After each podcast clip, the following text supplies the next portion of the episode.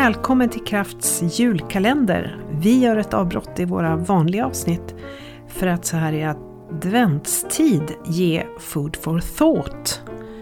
Eh, det blir ett avsnitt om dagen, ungefär 7-12 minuter. Det kan variera lite beroende på ämne och lust här i Kraftpodden.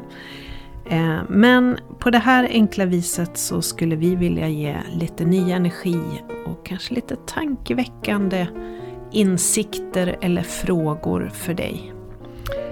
Och eh, vi hoppas att eh, du som lyssnar ska tycka att det här inspirerar och vi vill samtidigt passa på att önska dig en riktigt fin decembermånad. Och så småningom en riktigt god jul och ett gott nytt år. Välkommen! Lucka nummer sju i Krafts julkalender.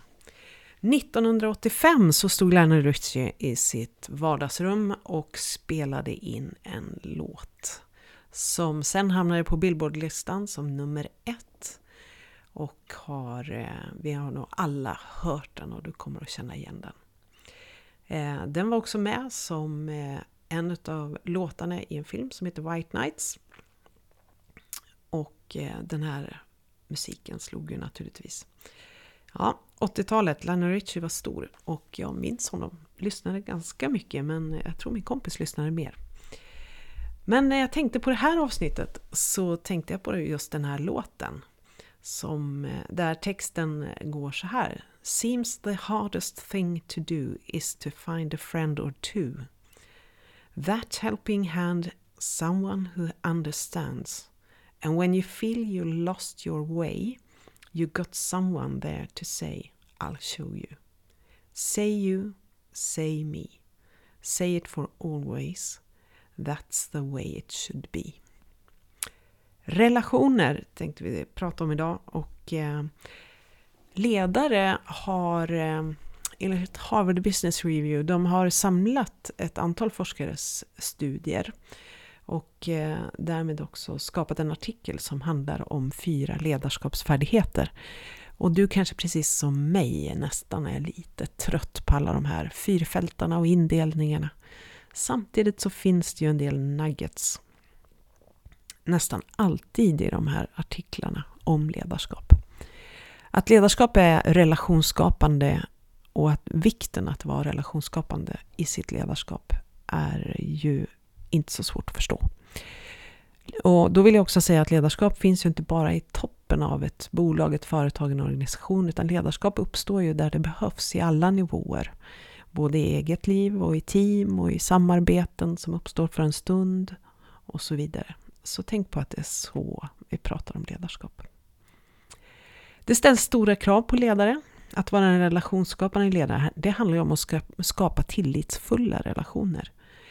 Ehm, och ehm, om man är duktig på att skapa tillitsfulla relationer får man goda relationer, man får trygga relationer, man får relationer där folk samverkar, samarbetar på ett bra sätt. Och Chris Argyris och Don Sean, de visar på tre aspekter av det. Vad är det de här ledarna som är duktiga har den här färdigheten just av att skapa goda relationer? Vad är det de gör? Vilket agerande ser vi hos dem? Det har de tittat på. Och de kommer med följande aspekter. Eh, det vill säga ett, de ledarna som skapar relationer, de ställer väldigt mycket frågor. Två, de är förespråkare för sina egna ståndpunkter. De står upp för vad de tycker och tänker och riktning och så vidare. Och tre, de skapar förbindelser. Det vill säga de knyter ihop människor som har behov av att samverka. Och det där känns ju inte som något nytt. Vi har alla de där aspekterna i vår egen modell i Learn Coaching som vi jobbar med. Eh, så jag känner mig väldigt hemma med den beskrivningen och att det här är någonting som jag själv ser fungerar när jag är ute och jobbar i organisationer.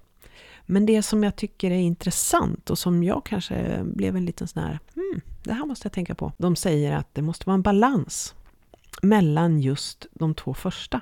Det vill säga att jag ställer frågor och är nyfiken och intresserad på människor omkring mig. Och att jag klarar av att stå i min egen ståndpunkt och berätta vad jag tycker upplever, känner, vad jag ser, vad jag tror på. De där två är svåra att göra samtidigt.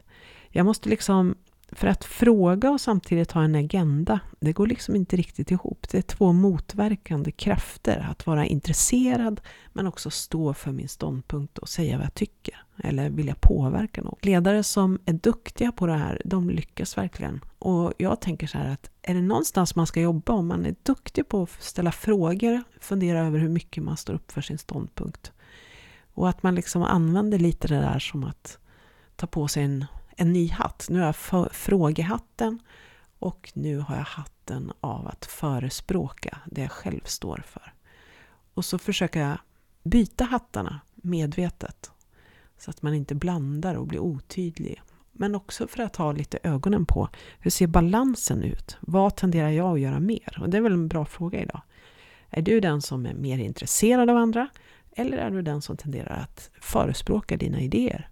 Dina ståndpunkter mer. Det tredje som de talar om, det är det här med att skapa förbindelser.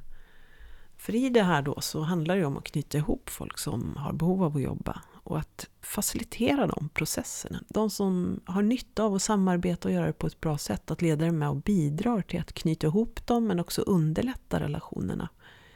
Och när man säger underlätta så är det tro, kan man lätt skapa sig en bild av att alla relationer ska vara smidiga, det ska inte vara något snurra på tråden, inga konflikter. Men jag tror inte du heller tänker så.